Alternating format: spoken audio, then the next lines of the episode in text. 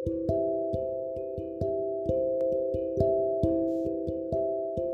baiklah, saya akan mencoba untuk menjawab pertanyaan nomor lima tentang investasi jangka panjang PT Haru Biru.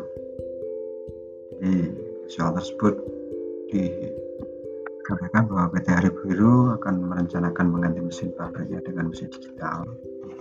Dan mesinnya 440 juta, kemudian masa pakai 8 tahun, nilai residunya 10 juta, penjutaan strike line, pendapatan tahun pertama-tama 80 juta, tiga tahun berikutnya 100 juta, dan tahun terakhir 72 juta dengan tingkat bunga 10% per tahun. Pertanyaan pertama adalah apakah pembelian mesin digital dapat diterima atau ditolak? Jawaban saya adalah diterima. Mengapa? Karena coba kita hitung itu dengan menggunakan teori-teori yang ada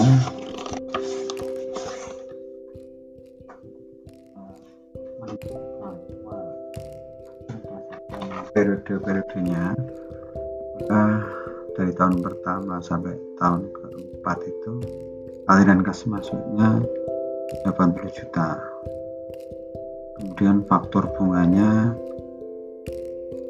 10 tahun kita bagi rata 8 tahun berarti 114 faktor bunganya 3.1669 persen. Kemudian dari tahun periode 5 sampai 7 aliran kas masuknya 100 juta dengan faktor bunga 1,6986 persen. Kemudian pada tahun ke-8 eh, aliran kas yang masuk 72 juta dengan faktor bunga 0,4665. Dan terakhir residunya adalah 10 juta dengan faktor bunganya sama dengan tahun ke-8 yaitu 0,4665 persen sehingga dari hitungan-hitungan angka-angka tersebut bisa kita dapatkan nilai tunai perusahaan Haru Biru tersebut adalah pada periode 1 sampai 4 itu 253 juta 352 ribu rupiah.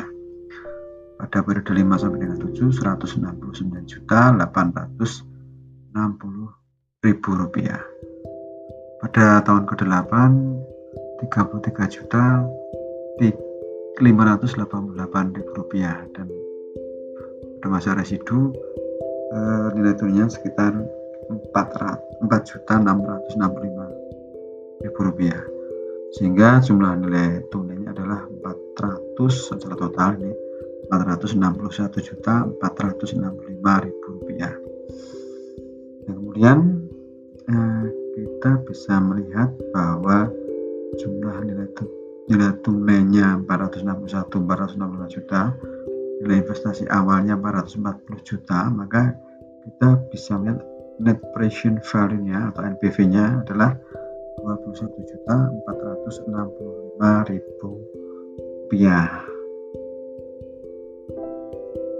Nah dari angka-angka itu kan kita jadinya kelihatan bahwa present value indexnya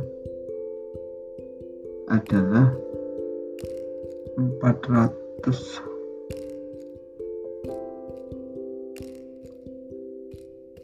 61 juta 465 dibagi nilai investasi awal yaitu 440 juta sehingga akan ketemu angka di 1.048 ya dibedakan 1,05 lah Nah, karena penerimaan lebih besar dari pengeluaran, lebih dari PVI-nya sehingga lebih dari satu, berarti investasinya ini bisa dikatakan diterima. Itu untuk jawaban yang nomor A. Dan untuk nomor 5B,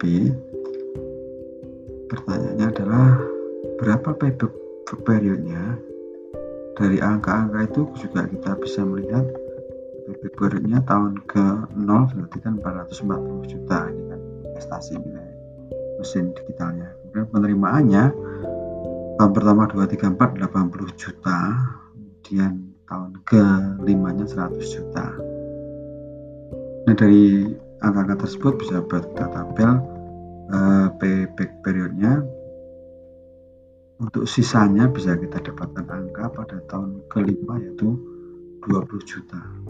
Sehingga period pada, uh, pada tahun ke-6 itu adalah 20 juta dibagi tahun sebelumnya 100 juta. Ketemulah angka pada tahun ke-6 ini penerimaannya itu di 0,2 dikalikan 12 bulan atau satu tahun sehingga ketemu angka 2,4 bulan maka jumlah payback periodnya adalah 5 tahun 2,4 bulan. Lalu pada pertanyaan selanjutnya rekomendasi C rekomendasi yang saya berikan kepada PT Hari Buruh terkait rencana pemberian bantuan tersebut adalah sebenarnya begini simpel saja sih. Rekomendasinya itu kan uh, dengan dua tabel di atas tadi. Rekomendasinya kan sebenarnya kan mempercepat bagaimana mempercepat payback periode bisnis yang dilakukan oleh PT Hari Biru. Ya untuk itu sebenarnya kan lebih pada strategi marketing atau strategi pemasaran yang ada. Nah, apa sih? Makanya per apa, rekomendasi saya ya terapkan aja 7P itu spek-spek.